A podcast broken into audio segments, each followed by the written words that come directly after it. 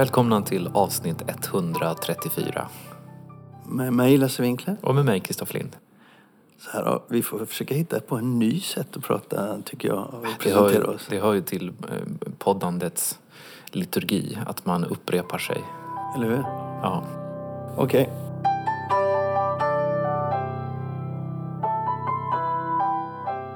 Du, vi ska börja med en sak eh, som kanske inte har skapat några svallvågor utanför bokbranschen men som i alla fall har uppmärksammats inne i bokbranschen. Och det är en debattartikel från 22 februari i Svensk Bokhandel. Undertecknad av Erik Wikberg. Han som är ansvarig eh, för eh, branschens statistikrapporter. Och Per Almgren, chef på Natur och kultur. Och de lyfte ett antal frågor runt den digitala utgivningen, runt eh, ljudboken. Mm. Det var en lista fyra stycken punkter där i artikeln. Och det ledde till en del inlägg från andra också. Men reaktionen hos många i branschen när jag pratar med folk om dem, de har varit att de har varit två. De har varit på innehållet, men de har också varit på Erik Wikberg. på Erik Wikberg att han eh, överhuvudtaget går in i ett debattinlägg. Ja, vi, vi kan säga det, vi får ju ganska få synpunkter på podden. eh, Men eh, det har varit ovanligt många som har hört av sig och tyckt att det varit konstigt. Så därför så tänkte jag eh, vi skulle kunna ta upp det här förra veckan men jag ville vänta till jag var uppe i Stockholm så nu då och eh, tog upp kontakt med Erik Wikberg och berättade det att den kritiken har vi fått. Vill du svara på den? Absolut, sa Så jag åkte hem till honom och eh, så här låter det. Det här samtalet som kommer nu, det har jag med Erik Wikberg, eh, forskare på Handelshögskolan och ansvarig för eh, bokbranschens statistik. Som, och precis nyligen så kom årets statistik för 2021, kom precis ut. Och det hade vi ett inslag om tidigare i eh, podden. Hur man skulle tolka den statistiken. Men det är inte därför jag sitter här eh, och pratar med dig, Erik Wikberg. Då skulle du fråga, nej varför är du här Ja, då? varför är jag här? Ja, det är en debattartikel som var i Svensk Bokhandel där du tillsammans med eh, Per Almgren, på chef på Natur och kultur, gick ut och kritiserade utvecklingen på ljudbokssidan. Jag skulle inte säga faktiskt att vi kritiserade utan vi lyfter fyra områden skulle jag beskriva det som. Eh, som vi tycker är viktiga utifrån eh, den långsiktiga utveckling som har skett i branschen. Vi ska inte prata så mycket om den idag, men jag är här för att ställa en annan fråga egentligen. Och du vet vilken fråga jag ska ställa och eh, det kommer lyssnarna strax att få höra. Nämligen, du är avsändare med Per Almgren. Det var lite oväntat. Vad kommer det sig? Eh, Vi diskuterar ju statistiken precis som jag diskuterar den med många andra förstås i branschen och eh, journalister, eh, andra forskare och så vidare. Och så tyckte vi att de här områdena är intressanta att lyfta för att de är väldigt branschrelevanta och som jag också upplever att de inte är särskilt uppmärksammade, de här fyra punkterna. Men vem var så att säga skribenten i frågan? Vi är båda två skrev den. Jo, ni har skrivit under båda två. Men fakta som finns i den här artikeln, kommer de från dig eller kommer de från honom? Eh, Från oss båda två. Okej. Alltså det, det utgår ju från offentlig statistik. Det utgår ju från eh, den statistiken, alltså förlagsstatistiken som är förlagens försäljning till återförsäljare och eh, återförsäljningsstatistiken, den som är bokförsäljningsstatistiken, den som jag primärt har jobbat med. Mm. Men då sa jag till dig när jag ringde och frågade om du ville ställa upp på, på intervjun här. Det är att väldigt många i branschen är, är kritiska till att du tar det steget att göra en debattartikel som kritiserar en viktig del av branschen. Samtidigt som du sitter i en position ansvarig för statistiken. En position där man kan förvänta sig att du ska vara neutral, säger kritikerna. Ja, två saker. Eh, för det första som jag sa så upplever jag inte att det här är en kritik av eh, ljudboksbranschen i största allmänhet. Jag tror dessutom man har följt de debattartiklar som jag skrivit tidigare och hur jag uttalat mig så har jag absolut ingenting emot ljudböcker. Tvärtom, det är ju ljudböcker som har varit loket för den eh, stora tillväxt som vi har haft i återförsäljningsstatistiken. Eh, Den andra punkten när det gäller min roll eh, så är jag ganska förvånad faktiskt över den reaktionen. För att forskare har ju tre uppgifter. Man har forskning, undervisning och det som kallas för tredje uppgiften. Som då till exempel går ut på att göra såna här samtal, att skriva debattartiklar, delta i paneldebatter. Eh, så att det som vore konstigt är om jag inte gjorde något sånt. Ja, det är mer att du i din position eh, har en, en, en mer neutral position där. Och jag vet att kritiken mot dig då, att du deltar i en debattartikel där du så att säga fokuserar på en del av branschen. Det gör att folk uppfattar att kan vi ha förtroende för dig i framtiden på den positionen? Eller som en del frågar då, eh, är du på väg att sluta på den positionen? Jag är inte på väg att sluta och jag tror att människor har förtroende för mig. Eh, jag vet inte vilka du har pratat med eller eh, om de har andra åsikter. Jag kan också tänka mig att det kan vara bra att förtydliga att jag arbetar ju som konsult åt Svenska Bokhandlareföreningen och Svenska Förläggareföreningen sen, jag tror att det är åtta år. Och det är ju ett eller två då kunder utav ett tjugotal som jag har. Jag lägger relativt liten del av min samlade arbetstid på de här uppdragen. Mm. Och i övrigt, jag arbetar ju till exempel ännu mer för Kulturrådet, det är ordförande i eh, sakkunniggruppen för facklitteratur. Jag hade tyckt att det var en annorlunda sak om jag hade varit heltidsanställd och för en av de här branschföreningarna. Så ser ju inte läget ut utan jag är ju en eh, fri forskare som uttalar mig många gånger, har gjort det tidigare många gånger innan den här debattartikeln. Och jag tycker heller inte, jag tycker att det är tråkigt om den upplevs som kritisk för att det som, om man tittar på de värdeord som finns i artiklarna så handlar det ju om att eh, man vill lyfta en saklig, konstruktiv debatt om sånt som är viktigt för alla i branschen eh, och som jag tror inte har varit särskilt uppmärksammat.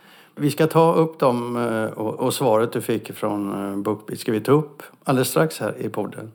Men jag ville först ta upp den frågan eftersom det är faktiskt så många som jag pratar med som har reagerat precis lika så som jag säger. Och då tänkte jag att då skulle du få en chans att svara på det. Och då tänker du på? Kritiken att du sitter i en position där du inte borde gå ut i debattartiklar i branschen där du så att säga tar, tar, har en ståndpunkt. För du har ändå en ståndpunkt i slutändan. Och det är den som folk kritiserar att du, du skulle hållit ovanför debatten.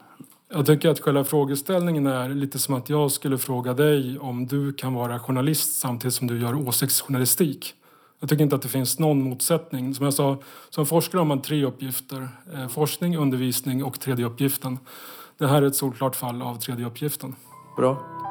Tack ska du ha, Erik. Tack så mycket.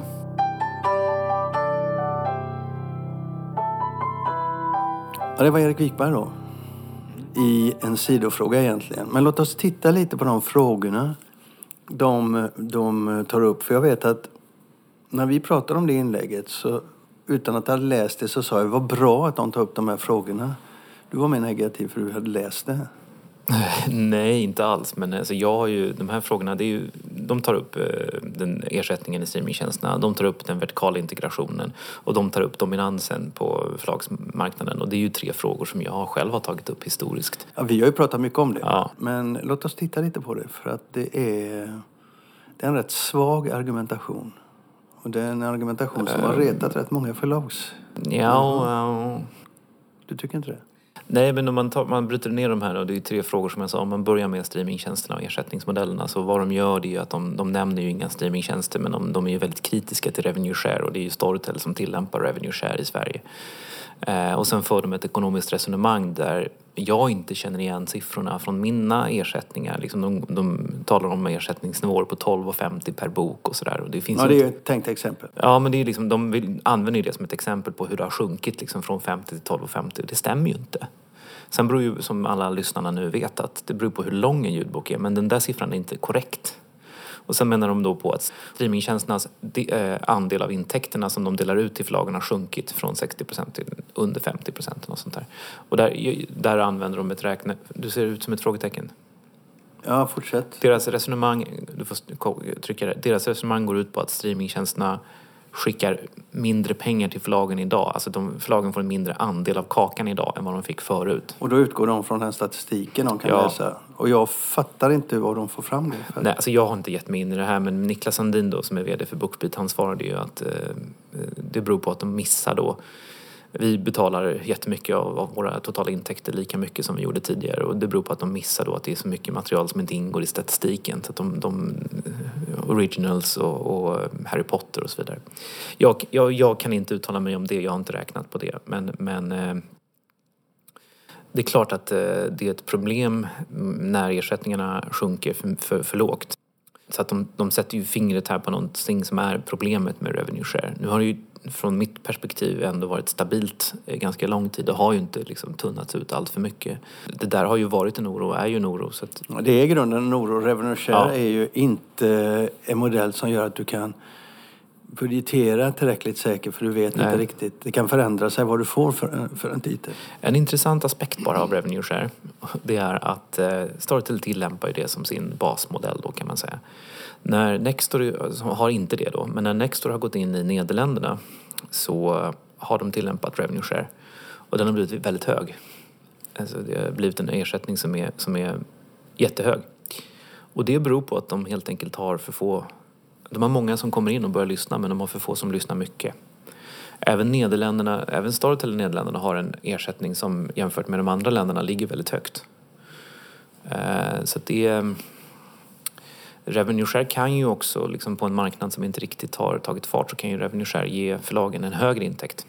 Så var det ju i Sverige också. Mm. Bookbeat har ju då en lösning som nu, ersätt, nu har de en fast ersättning till förlagen per minut. Så att oavsett hur mycket som det lyssnas på i tjänsten så ligger den ersättningen fast. Men eh, Bookbeat har ju, så som jag har förstått det, även då i Sverige, tidigare hade de det i Tyskland, en, eh, en lösning där de som lyssnar väldigt mycket får betala mer. Mm. Och det är ganska få personer i en streamingtjänst som så att säga förstör för de andra genom att lyssna, toklyssna. Så det är ju en tänkbar lösning för fler att ta efter. Men frågan, alltså det är ju rätt att ta upp frågan. Jag tycker bara att de är inte särskilt bra när de tar upp frågan. Alltså argumentationen bygger på statistiken bara. De, de borde ha kunskap om hur det ser ut konkret. Det är ju svårt med debattartiklar. De har ju, de har ju en, en väldigt trevlig ton i sin debattartikel och Erik Wikberg har en väldigt trevlig ton när han intervjuas här i podden. Men eh, man måste ju vara väldigt konkret och man måste ju ställa väldigt konkreta krav och man måste rikta sig mot en viss part. Annars har ju liksom, debattartiklar en tendens att bara rinna ut i sanden som Författarförbundets debattartiklar. Mm. Vi skulle inte ta upp dem. Nej, jag bara nämnde dem som ett exempel på debattartiklar som rinner ut i sanden. Alla har ju tjänat på att streamingtjänsterna har vuxit. Det är det som har drivit Eh, ökningen, tillväxten i bokbranschen de senaste åren. Det är också Erik Wikberg inne på. Och alla är ju, alla, inte alla, det är klart att det kan, man kan hitta förlorare men jag menar, det har ju varit väldigt bra för bokbranschen att det har funnits en tillväxt. Och streamingtjänsterna har ju varit en, liksom, vår räddning kan man säga för att hade vi inte haft dem så hade vi inte haft någon tillväxt och hade bokbranschen varit mindre. Det hade funnits mindre pengar i systemet. Förlagen hade skickat mindre pengar över till författarna. Norstedts gick ut tydligen, nyligen och berättade att de hade liksom ökat sina royaltyutbetalningar ganska kraftigt. Det har ju också Linde Company gjort. Mm. Vad jag vill komma till är att, att det är ju, hade vi inte haft all you can eat-modellen så hade ju inte streaming, streaming blivit så stort. Och det är ju det som har också begränsat eh, ljudboksmarknaden på de anglosaxiska marknaderna, att man inte har det. Mm. Så det, har ju, det, det är en väldigt svår det är en väldigt svår eh, balansgång det här därför att väldigt många av de här lyssningarna hade ju inte blivit lyssningar alls. Hade inte blivit lästa böcker, hade inte blivit intäkter om det inte vore för att vi hade haft en konsumentvänlig ersättningsmodell. Så att det finns ju olika... För och emot där, ja. Absolut. Men, men där är någonting som de undviker där och det är ju att författare får ju mer pengar för att de får fler lyssningar på en bok än tidigare. Om du jämför fem år tillbaka. Ja. Om en författare fick, som de säger i sitt exempel, eh, 50. Mm. Ja, inte 50 spänn, men tillsammans med förlaget. Nu får de 12,50 men de har fyra gånger så många lyssningar så det är minst samma summa de får. det är mycket mer än vad de fick förut men för det, marknaden är så mycket större men det är ju inte det var inte 50 och det är inte 12,50 så att de, de har ju överdrivit det där. Men, men eh, marknaden är ju så oändligt mycket större idag. Och det hade den inte varit om vi inte hade haft All You Can Eat. Så det, det, det är jättesvårt liksom att säga. Det är som det, vi skulle inte ta upp det men vi bara tar upp det som ett, som, en, som ett exempel på hur man kan resonera. För Författarförbundet har ju föreslagit att man ska införa karenser på ljudböcker. Att man, om, man, om man då eh, först ska pappersböckerna komma och sen får ljudböckerna vänta då kanske säg ett halvår eller ett år eller någonting sånt. Och det ska ge mer intäkter till författarna är resonemanget. Men det, eh, det bygger ju på eh, ett konsumentbeteende som vi inte har sett. Nämligen att man det bygger nämligen på den här förutsättningen, utgångspunkten att en, en lyssnad bok är en bok som man annars skulle ha läst.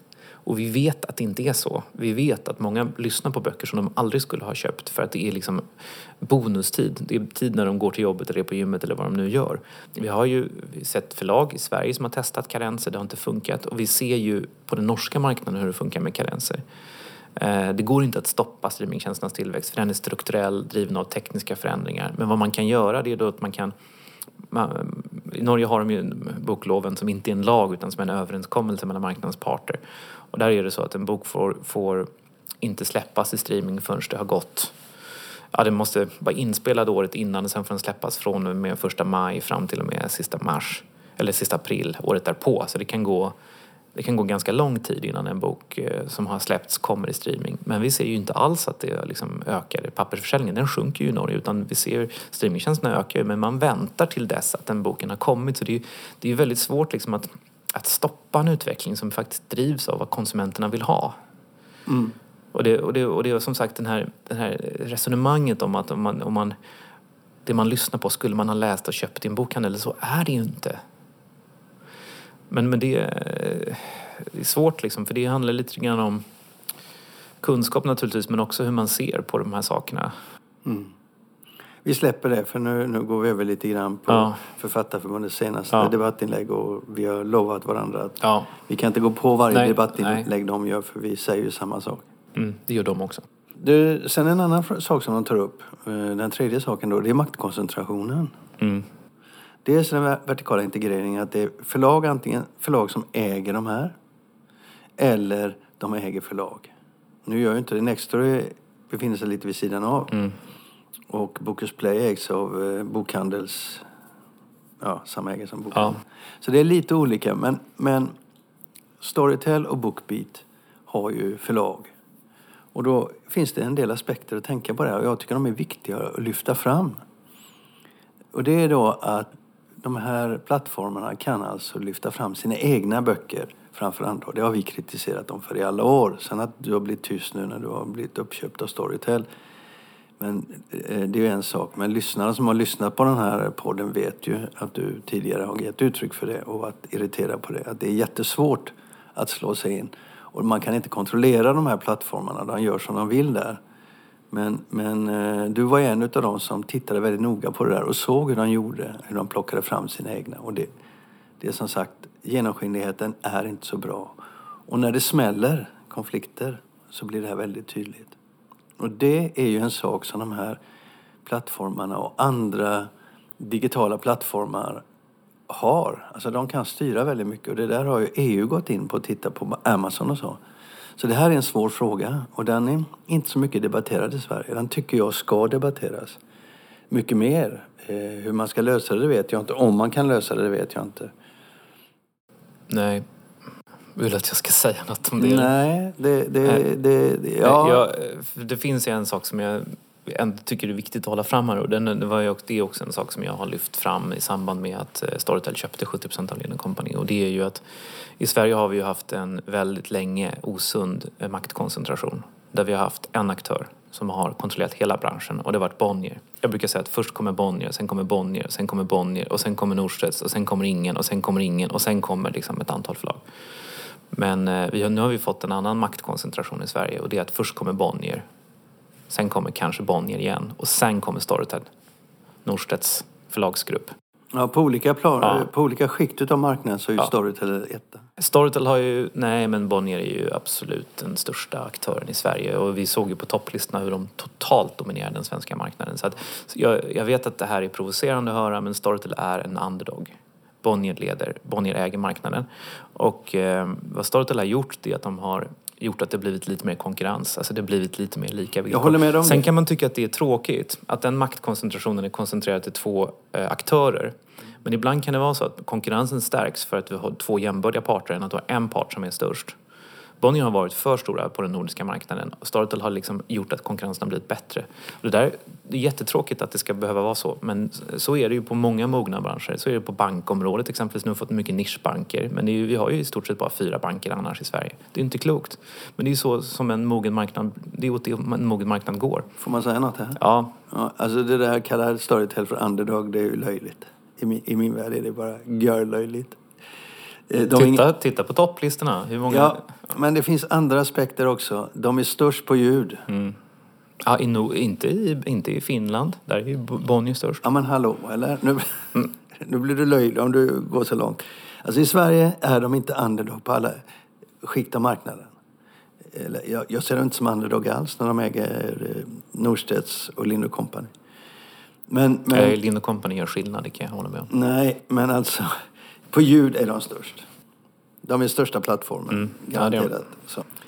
Det är svårare Nej, att komma in på bok. vänta, lite nu, vänta lite nu. Går vi tillbaka och så tittar vi på det att plattformarna kan sitt eget, sina egna, favorisera sina egna förlag.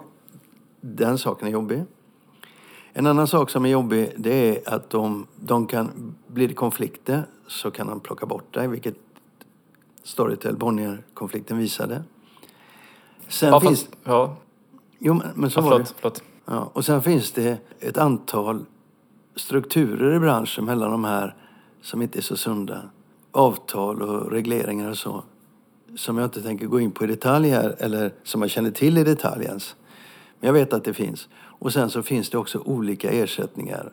Deras egna förlag har ju av tradition haft bättre ersättningar. Och tittar du på, på Bonniers så har ju de fasta ersättning fortfarande och bättre. Och det där är ju till glädje för de här stora som har makt och till förfång för de små. Så där finns eh, maktkoncentration, aspekter av maktkoncentrationen. Men jag kan ju tycka att det är lite löjligt att Per Almgren skriver en sån här debattartikel.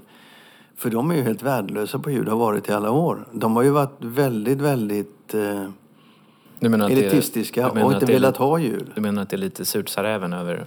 Ja, Jag vet inte, men de försatte ju chansen att kunna bygga upp en ljudsida. Nu har, nu har de ju ljudböcker nu. Men de var ju väldigt fina i kanten till ljud väldigt länge. Så deras kunskaper är ju inte så stora. Det vet jag inte. Jag tror nog de har kunskaper. Däremot så, apropå det här med maktkoncentration så...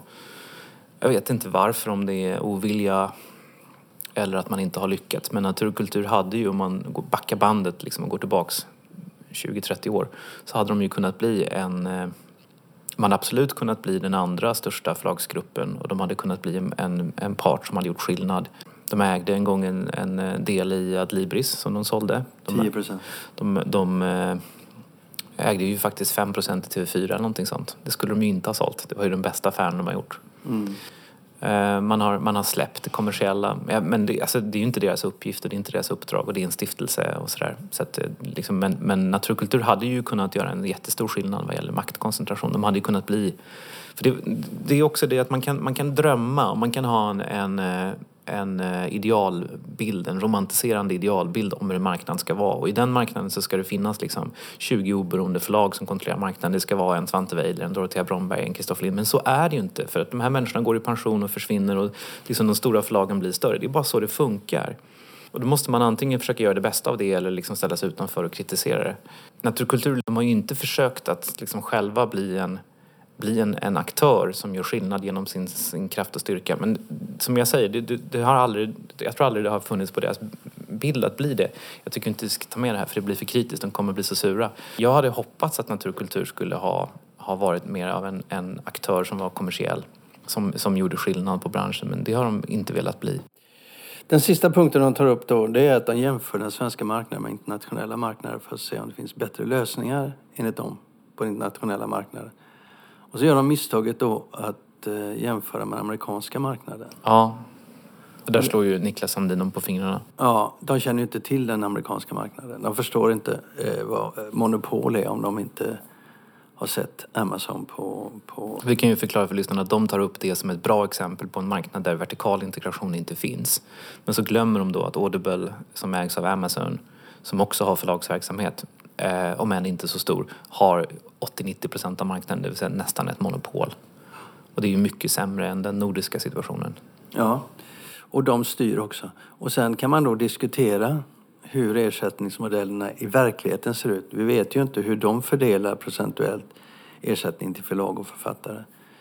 Och eh, vi vet heller inte hur i grunden eh, prisbilden ser ut. Jag till exempel som, det har jag sagt förut, jag prenumererar ju på Audible i Storbritannien och där kostar en, en eh, 12 titlar för 680 spänn och sånt där. Och sen om jag köper till tre titlar så kostar de 13 pund då. Och då är vi nere i helt andra volymer och då är ersätt, kan ersättningsnivån i flera fall bli, bli liknande den som är i Sverige per bok. Så vi har ju böcker på Audible och det är inte bättre ersättningar. Däremot så kan jag säga att det är mycket sämre, alltså kureringen på Audible är ju, den är ju brutal. Och småförlag eh, av Lind Companys storlek gör sig icke besvär. Om vi mejlar Audible då tar det tre månader innan vi får svar. Eh, Audible är en fruktansvärd aktör som bara är intresserad av att jobba med de absolut största förlagen. Du talar från hjärtat nu alltså? Ja. Okej. Den svenska koncentrationen där är ju helt underbar i jämförelse. Audible är en skräck. För alla som inte är marknadsledande. Mm. Men, men, Det är därför som Penguin Random House tycker så mycket om den, den liksom Audible. För det är ju ett oligopolsystem. Det är en Vi- aktör som Penguin Random House kan krama ut ganska mycket för att de är så stora så att de kan. men du, låt oss nu släppa den debattartikeln. Det blir för långt annars. Ja, det blir för långt. Du får klippa också. Ta Ja, bort lite. det där med naturkultur. Ja, men, men vad, vad, vad man kan se då, den här, den här debattartikeln tar upp viktiga frågor som jag vill att man fortsätter diskutera branschen. Men jag är inte så säker på att man gör det utifrån den här debattartikeln för den är lite för lam i kanterna. Exemplen är för tråkiga. De, de utgår från statistiken men de utgår inte från verkligheten och då blir det direkt väldigt allmänt och väldigt felaktigt. Tycker jag. Ja, det är svårt med debattartiklar men, men eh, eh, jag, jag tror att deras, deras ambition att, att diskutera de här frågorna är ändå den, den, är, den är styrd av, av goda motiv. Okej. Men du, då kan man ju också ställa sig frågan varför publicerar sig Svensk Bokhandel? om Ja, nej, en men det, den frågan ställer jag mig också. Det är ju helt meningslöst faktiskt. För är, de här frågorna är, kan vi i den här branschen och vi har redan diskuterat dem. Så att det här borde de ju ha publicerat i DN eller Svenskan eller någon annan GP eller någon annan artikel. Någon annan Expressen kanske. Mm. Så att de hade fått lite mer uppmärksamhet utanför branschen. Och på tal om Amazon, såg du förresten det idag att de lägger ner alla sina eh, fysiska boklådor? Nej, jag såg inte det. Då vet du det nu och du vet vem som var först som berättade det för dig. Mm. Det kan vi kanske Hur motiverar de det då? Än så länge gör de inte det. Men de lägger ner i stort sett större delen av sin fysiska retail. Inte, inte grönsaker och inte kläder och ja, lite sånt där. Vi får återkomma till det. Men det var lite överraskande. Ja. Men eh, det var ju väl ännu mer överraskande att de började med det. Ja, ja. Man kan ju bara dra slutsatsen att det inte gick så bra. Jo, men då är det intressant att eh, det känns som det första, faktiskt första gången som Amazon får backa ordentligt på en affärsmodell. Det har ju varit fler, fler eh, grejer de har gjort som de har släppt. Men det här var lite anmärkningsvärt. Det kommer att bli en del eh, svallvågor tror jag på marknaden. Okej, släpper det.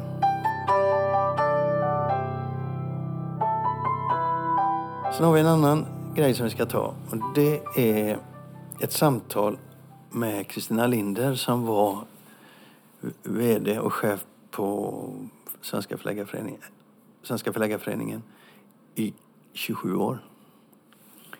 Och eh, jag gick till eh, henne. Två dagar efter hon slutat så satte vi oss ner och pratade. Hon har varit med om en hel del. Hon har ju varit väldigt viktig när det gäller till exempel att lob- lobbyarbetet för bokbranschen. Till exempel när det gäller momsen. Både eh, bokmomsen 2002 när den sänktes och ljudboksmomsen. Att man lyckades få fram den frågan. Att, att, att, att, att, så att säga att det blev sänkt ljudmoms för ljudböcker, det var inte givet. Så de har jobbat hårt med det där. Men hon har ju varit ute i en antal intervjuer nu i media så jag tänkte att det där kan alla läsa där. Hon säger samma sak där överallt. Så jag försökte ett helt annat angreppssätt och då blev det lite annorlunda. Det Ja, det göra. får man säga. Ja. Det blev lite kritik också. Ja, men det ska det få vara. Inte har jag- Mot, mot Förlagspodden och mot dig. Ja, men det är helt okej. Men som alltid när man sitter i ett samtal och så stänger man av eh, bandspelaren och då kommer en del pärlor. Och då kom den här historien som var, för, i alla fall för mig då som är nörd, väldigt rolig. Hon var som sagt väldigt, väldigt eh, viktig för den sänkta bokmomsen. Och historiskt sett så har ju sossarna fått väldigt mycket eh, cred för det. Mm, det var Miljöpartiet, var det inte det? Var Ja, kohandel. vä- vä- vä- vä- vä- Vänta, vänta, vänta, vänta. Förstör inte en poäng Nej, nu. förlåt, förlåt, förlåt. Jo, de, sossarna har fått väldigt mycket cred då. Och så går åren. Och eh, för några år sedan så började hon läsa statskunskap lite vid sidan om. Och då fick hon en anledning att gå tillbaka till alla som hon hade arbetat med på den tiden. Och hon kom till Bosse Ringholm som då var finansminister. Och så ställde hon frågan till honom och sa att det var en jävla skitreform.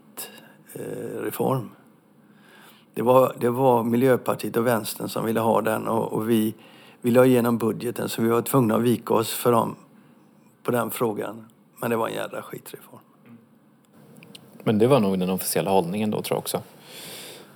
Ja, jag vet inte. Jag tror att... Jag tyckte det var i alla fall mm. roligt att mm. hon hade fått fram den i, i eh, samtal med honom. Ja, ja. Men så här låter vårt samtal.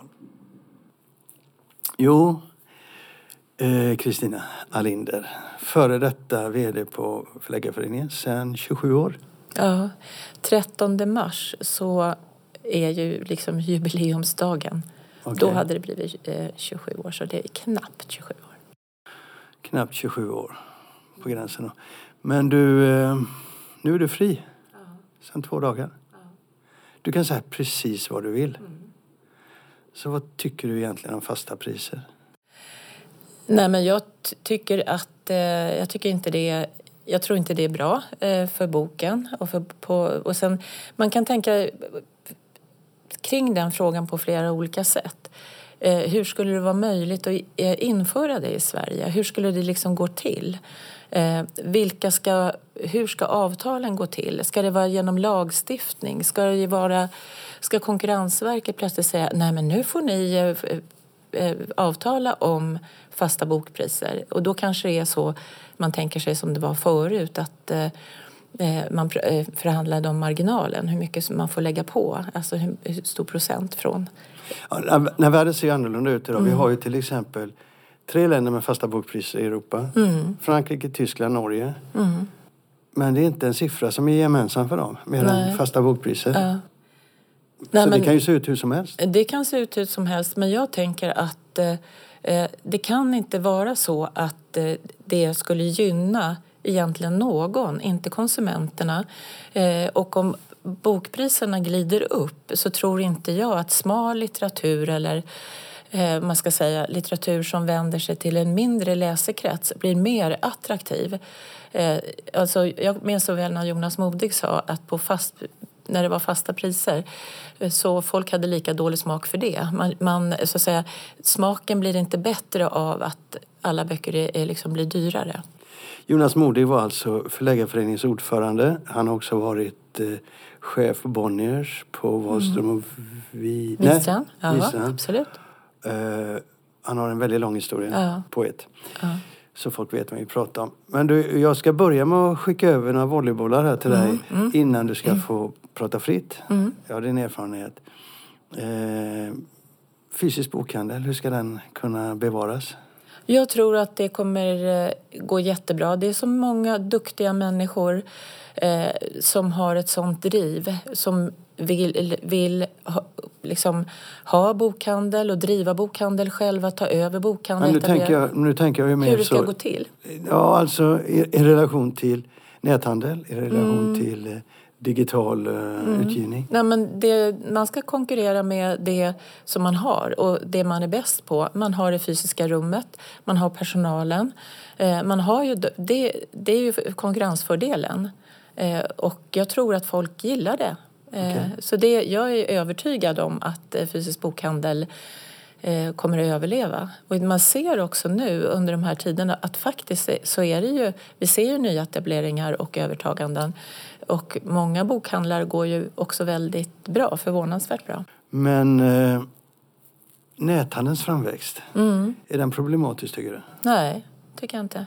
Det är otroligt eh, bra att vi kan eh, handla över nätet och att människor var som helst man bor och det kan man kanske inte har så nära till en bokhandel.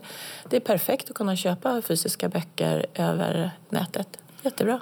Nu, nu kommer frågorna mm. lite hipp som happ mm. men eh, små förlag. Sverige har varit mm. känt för att eh, kunna att småförlag har kunnat växa. Mm. Eh, och historiskt har vi sett mm. eh, väldigt småförlag bli rätt framgångsrika. Mm. Men just nu så ser vi tillväxten av småförlag och nya förlag inte är så stor. Och framförallt så ser vi inte en tillväxt från det lilla till det mellanstora. Mm. Ja, men så är det ju. Men jag tror att just det där man pratar om mellanstora förlag så har egentligen inte funnits så många. Antingen det funnits fler små förlag och sen de här stora. De här mellanstora det har inte funnits så många sådana och det finns inte så många sådana. Men det vi ser är ju också att det finns väldigt många förlag. Alltså om man frågar till exempel Statens kulturråd hur många förlag är det som söker, alltså olika förlag som söker litteraturstöd. Det är fler än man tror. Sen kan man ju säga att de kanske inte är professionella i den meningen att man har regelbunden utgivning och kanske anställd personal eller så. Va? Men... Så är det, men jag tänker mer så här, du kommer ihåg den perioden när, när Piratförlaget, mm. eh, Historiska Media, mm. eh, Lind Company eh, mm. växte fram. Mm. Då fanns det fanns det avundsjuka i de nordiska länderna och kom hit och mm. ville studera situationen. Mm. Hur kan vi till exempel i Norge få fram den typen av förlag? Och nu ser det ut som att det där går i cykeln. Just nu får vi inte fram den typen av förlag. Nej, men, men jag har inte liksom någon förklaring till det. Men det man ser är ju att det finns en stor entusiasm kring att eh, starta förlag och man vill liksom pröva på. Men det är svårare än man tror att få ekonomin, förlagsekonomin att fungera. Eh, det är ju helt, eh, det är helt enkelt så. Och kanske ett skäl också är ju digitaliseringen. Alla det fungerar inte så bra för alla med digitala böcker, ljudböcker. Man, man tänker sig en annan typ av utgivning och så. Men att det finns många förlag eh, och det finns många människor som vill starta förlag och gör det också. Mm. Men sen är det, det knepiga är ju att få verksamheten att fungera. Är man tvungna att ge ut ljudböcker idag för att växa och överleva som förlag? Nej, det tror jag inte. Det, det, tror jag inte. Men jag tror att man, att, det känns, att man har en press på sig att titta på det. Att vilja ge ut också digitalt. Att man, man ska, behöver finnas där. Därför att det är så... Eh, det är så stort nu. Och, och eh, så jag tror att man gärna vill finnas där. Men det är ju stor del av utgivningen som inte riktigt fungerar i ljudboksformatet. Eh, jag menar, fackböcker, illustrerade fackböcker, en del barnböcker. Ja, det, ännu har vi väl inte sett det i alla fall, att man kan säga att allting fungerar bra som ljud. Du har växt upp, och med växt upp menar jag, du har varit i bokbranschen mm. under en, en, en, period där det traditionellt har varit så att småförlag är oftast lite mer exklusiva, bundna mm. till till eh, ägarens eller den som startar mm. förlagets smak. Ja. Ofta rätt, eh, mm. rätt eh, mycket finlitterärt. Mm. Ofta. Ja. Ska du starta ett nytt förlag idag mm. Så behöver du titta på ljud om du ska mm. överleva i mm. längden. Och det betyder också att då kan du inte exklusivt starta ett förlag som enbart tänker finlitterärt eller litterärt. För den typen av förlag kommer inte kunna växa. Och de kan man ju ha ändå. Det finns ju många sådana. Men vill du växa och bli ett större förlag så måste du bredda mm. dig och gå in på den kommersiella mm. utgivningen. Mm. Och det har inte alltid varit så när små förlag har startat. Nej. Att det har varit så medvetet. Mm. Men jag tror just det här med, det, nu ska inte jag säga vi, men Förläggarföreningen har just de här tankarna kring hur kvalitetslitteraturen ska klara sig, vilken plats har man och att det är fortsatt väldigt viktigt att, att vi har en sån utgivning, att, att Sverige har en sån utgivning. Och då kan man titta på liksom vilka, vad är det som kan göra att sådana förlag kan etablera sig och eh, överleva som vill satsa på kvalitetslitteratur, litteratur som är tänkt, som aldrig kanske kommer nå eh, stora kommersiella framgångar eller kan, inte vänder sig till en stor publik. Vad behöver de? Och då tror jag att litteraturstödet är jätteviktigt för dem. Ni har alltså startat utredningar om detta nu i slutet mm. av din eh, mm. period mm. som VD här. Mm. Eh, och, eh, så ni, ni vill sätta sökarlyktor på, eh, sökarljuset på den mm. frågan. Men kulturstödet är i all sin ära. Kommer, den att räcka, kommer det att räcka eller måste man hitta nya lösningar? Jag tror att det är en, det är en väldigt bra början. Och litteraturstödet har ju funnits under lång tid och är väldigt viktigt. Det är ju eh, ganska rejält ur, urhol, urholkat. Alltså, jag menar, från början så var det kanske 15-16 miljoner och skulle man räkna upp det till dagens penningvärde så skulle det kanske vara 65-70 miljoner. Men det är ju ett väldigt litet stöd. Det är det enda eh, statliga stöd som ett bokförlag kan få, alltså i, i kapaciteten av förlag eh, som rör utgivningen. Så jag tänker också att eh, de svenska bokförlagen klarar sig väldigt väl själva. Och jag tror många också vill att det ska vara så. Och... Men ändå har ni satt till en utredning för att titta mm. på hur stödet ska kunna bli bättre? Det de här forskarna kommer titta på det är kvalitetslitteraturens plats och möjligheter på marknaden. Det är ju så många saker som spelar in där för att, att hur ska den uppmärksammas? Hur är det med litteraturkritiken? Alltså det är många olika saker. Hur lyfts, lyfts den här typen av litteratur fram? Lyfts det fram i bokhandeln, i, på biblioteken? Eh, alltså hur är det här med topplistorna som man kanske möts av på väldigt många olika håll? Hur ska människor hitta den här typen av litteratur? Var blir den synlig? Just det du säger nu är ju ett samtal som har börjat öka. Det mm. finns inte så mycket av det nu, mm. men det kommer från olika håll. Mm. Tar upp de här frågorna. Mm. Ja, men så är det ju. Det har ändå varit tyst väldigt, väldigt, väldigt länge. Ja. Men jag tänker så här, vet du, för man, när det är såna här, händer saker på eh, marknaden, till exempel när vi fick fria priser så pratar man om att det kommer bli bokhandelsstöd och det kan hända allvarliga saker. Man införde då ju bland annat litteraturstödet och det fanns också då ett statligt stöd för bokhandeln för, för Eh, stöd och bidrag för övertagande och nyetableringar men i den perioden när fria priserna kommer. Nu är vi i en period där det kommer digitaliseringen ökar, det är jättemycket med ljudböcker och det förändrar liksom spelplanen. Och, och man, man, kan liksom oroa sig över det. Och då tycker jag att det, det, är också viktigt, det är bra att branschen, att Förläggarföreningen och många andra tittar på vad händer då med utgivningen. För det man inte vill ha är ju att just att, man, att det ska bli väldigt mycket så eh, att alla motas in till en typ av utgivning. Att alla ska vara där. Det är ju väldigt viktigt att, för, att också möjligheter för den här smala litteraturen och lite mer krävande litteraturen finns. Eh, så det är viktigt att titta på frågan. Och då kan man se också, man tänker så här, om man ser att det är problem på marknaden, det är saker som inte fungerar väl, nej men då måste vi ju titta på det. Jag har förstått det rätt. Du är för att vi plockar upp fler topplistor offentligt där man kan se smalare litteratur, mm. småförlagslitteratur, mm. udda litteratur så folk mm. som mm. gillar litteratur kan hitta infallsvinklar till mm. litteraturen på många ställen. Är ja, ja, absolut. Nej, men jag, återigen, jag tycker att det när vi har så väldigt fin statistik, det som genereras från Bokinfo, det ska vi ju använda på så många olika sätt som det bara går. Mm. Vi släpper de här frågorna mm. nu ett tag och så, nu kan du prata fritt. Du är inte längre anställd.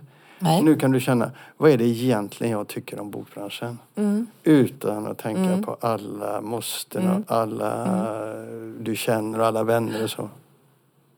Vad säger du då? Vad jag, vad jag tycker, alltså jag kan säga så här.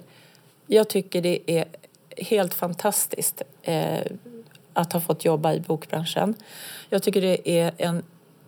Det är, alltså man kan säga det är som en klyscha det här liksom börs och katedral men det är väldigt mycket så. Det är, man drivs inte enbart av att eh, sälja och så att säga tjäna pengar utan det finns också så många andra driv, drivkrafter att det är också viktigt det vi gör. Eh, det är många människor... Som, Varför är det viktigt? Ja, men det, man, jag, därför att det, det vi sysslar med det fria ordet, vi kan skriva, alltså, ge ut böcker i alla möjliga olika ämnen. Det är liksom ingenting som hindrar oss. Och, då, och eh, jag tycker att det, alltså, vi har en fantastisk utgivning, eh, jättemånga förlag faktiskt är det så.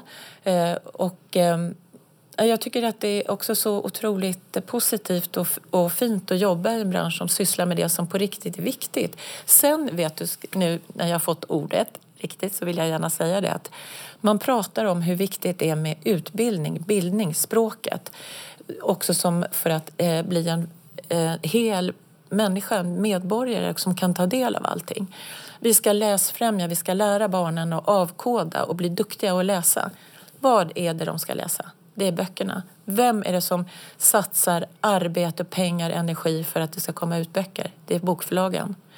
Det, alltså, bokförlagen är så otroligt viktiga i samhället på så många olika sätt. Författarna är viktiga, absolut.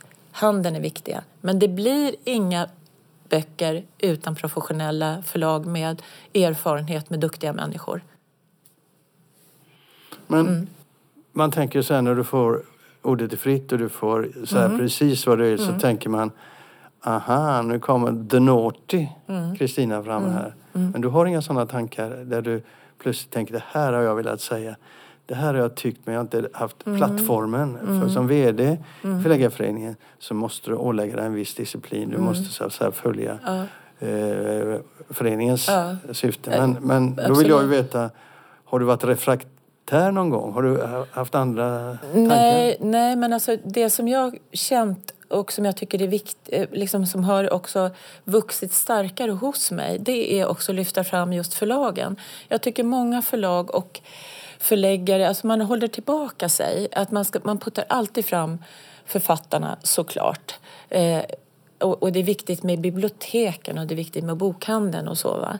Men jag tycker man ska lyfta fram det förlagen gör, så arbetet med böckerna, investeringen man gör, risken man tar. Alltså det är ju så få böcker egentligen som går med vinst. Men man ger ändå ut alla de här böckerna och man, man kämpar på med det, för det är viktigt. Det är så många som faktiskt drivs av det. Det tycker jag man ska säga mycket mer. Och jag skulle vilja att Förläggarföreningen var ännu tydligare med det och säga det i, i väldigt många fler sammanhang. Jag fick en idé när du säger Ja. det. Tänk om de gjorde ett kulturprogram på tv. De är Mm. ju väldigt dåliga på att följa litteratur i tv, svensk tv numera. Mm. Jämför man internationellt så är vi extremt dåliga där. Mm. Men tänk om man gjorde så att man gjorde en säsong, säg 8-10 program på en Mm. säsong. Och så tar man fram en förläggare eller en redaktör och en bok. Mm. Eller så tar man fram en bok och så handlar den här timmen om hur boken växer fram. Mm. Passionen, svårigheterna, intressena som clashar, Mm. hur man arbetar med det. Det ska bli fantastiska litterära program. Men du, Mm. nu när du har ordet fritt och får säga vad du vill. Mm. Så tänkte jag att du skulle överraska mig lite. Allt för många saker är vi överens om här. Så att, eh, Men- Har du något där du kan överraska våra lyssnare och tänka det där hade jag ingen Ja, aning men en sak skulle jag också då kunna säga till dig, Lasse. ja. Att vi har ju känt varandra väldigt många år och jag har varit direktör väldigt många år. ja, direktör är ju inte vd. V- Direktör är... äh, ja, ja, VD. Ja. Eh, Så tycker jag att det är kul att du tar kontakt med mig nu eh, och att eh, vi har det här samtalet. För det har jag saknat genom åren. Att eh, ja, kontakten med dig när du var chefredaktör och eh, ja, kanske nu i podden. Jag tänker ofta när ni tar upp eh, saker och diskuterar det och, och säger så här är det och med olika saker och varför gör inte branschorganisationen så här? Det hade du kunnat, hade du ringt mig så hade jag berättat för dig eh, om saker och då tänker jag att ibland du skulle ringa till mig Lasse och fråga eh, hur är det med det här, hur jobbar ni med det här? Och, eh, men jag är glad att du gör det nu, men jag har saknat det. Och jag tyckte att det var konstigt. Eh, så att eh, om, jag kommer inte kunna vara arg på bokbranschen eller säga saker jag nu äntligen får jag säga det. Men jag är så hopbakad med Förläggarföreningen och bokbranschen genom alla år och jag har aldrig gjort våld på mig själv.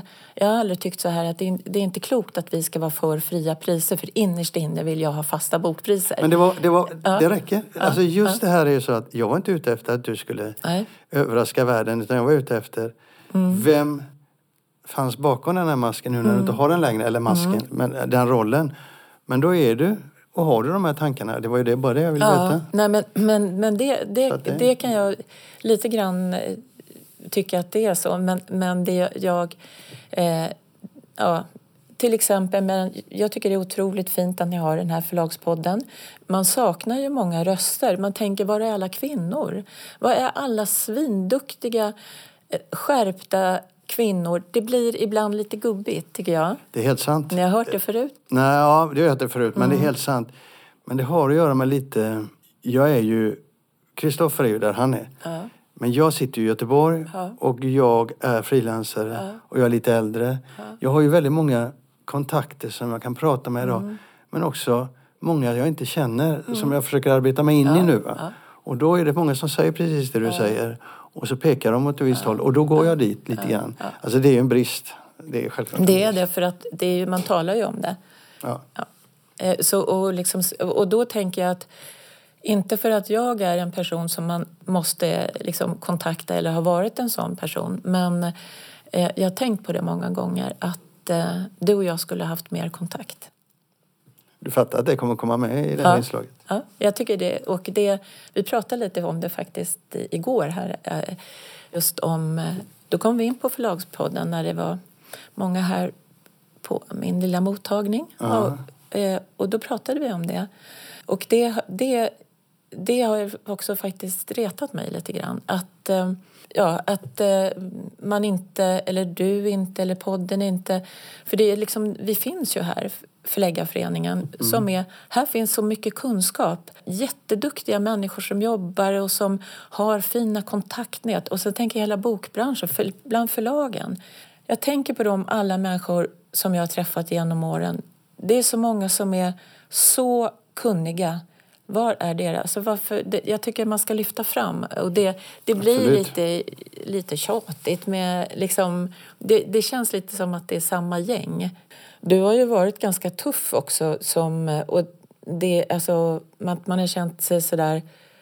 Ja, men att man kan, kan jag prata fritt och eh, berätta liksom en bakgrundshistoria. Att, eh, och då, jag tror om man känner sig lite bränd, att, ja, men, att man tvekar lite för att öppna upp sig. Med, eh, Så kan det vara, men jag har å andra sidan alltid arbetat med bakgrundshistoria. Ja.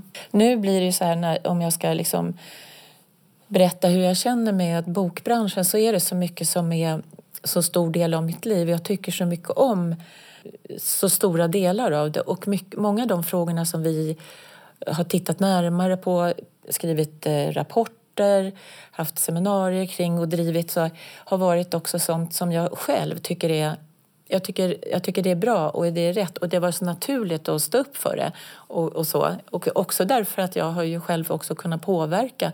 Den här frågan ska vi titta på. Det här kan vi liksom göra någon rapport kring. Och eh, så det... eh, Jag tycker att det på det sättet har varit, det har varit fantastiska år. Så mycket som är roligt. Det bokbranschen är fantastisk. Där är, därom är vi överens. Min erfarenhet, jag har ju också lång erfarenhet av branschen och den är ju... Jag kom ju som grävande journalist in och tänkte att det här blir jag inte gammal för det här är... eh, Branschtidning är inte så att säga så Nej. häftigt för en grävande journalist. Men jag kommer ju älska branschen och eh, litteraturen Ja. på ett sätt som gjorde att jag inte hade lust att lämna den. Nej, Nej men man har ju inte det. Nu är det så, Kristina, jag hade tänkt innan vi, när vi pratade tidigare för någon vecka sedan. Så hade jag tänkt att vi skulle prata om lite av de sakerna som har varit viktiga för dig som, eh, som eh, vd och som du har drivit så att säga. Men nu är det ju faktiskt så att du har varit ute i flera stora intervjuer. Så alla har liksom hört de här frågorna och då tänkte jag, ska vi får göra något annat Ja, du och jag. på något annat. Ja, och då tänkte jag så här. Både du och jag har jobbat med människor som har försvunnit i branschen. Ja, exakt. Och eh, det som jag kan sörja ibland är att människor som har varit viktiga och roliga plötsligt inte existerar Nej, för de yngre generationerna.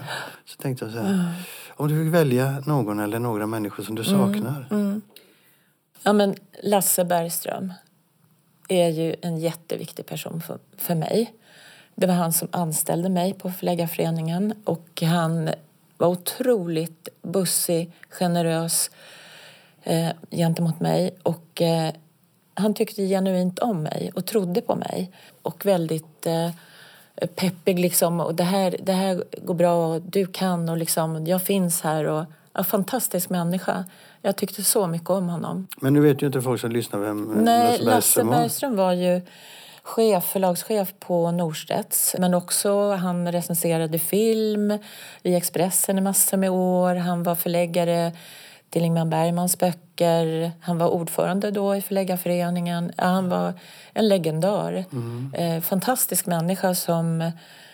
Ja, Han var viktig för dig. Någon mer som du jätte- skulle säga ja. att du saknar? de här förläggarna som jag träffade när jag var ny i branschen och eh, som var så, det var så otroligt. Man bara satt och lyssnade på deras historier och så.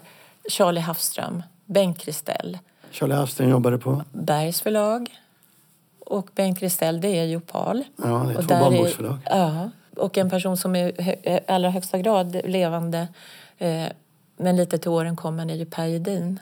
Också så fantastisk. Eh, vi har fortsatt kontakt och det är underbart. För, men också en sån person som alltid varit så otroligt positivt inställd till föreningen och till mig och liksom fört fram eh, det som är bra och varit eh, ja, en eh, som har betytt så mycket för mig och liksom trott på mig. Mm. Och det är faktiskt viktigt för att när jag började var det också det kanske låter tråkigt att säga att det var gubbigt men det var en annan, annan miljö, det var en annan tid.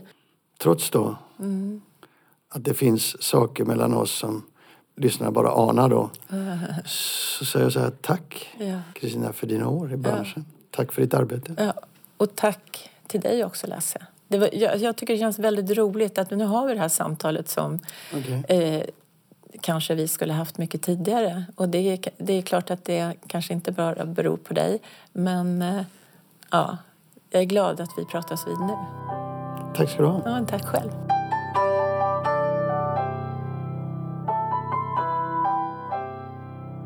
Och det var allt för idag. Vi hörs om en vecka och då är det avsnitt 135. Ja. Hej då. Hej då.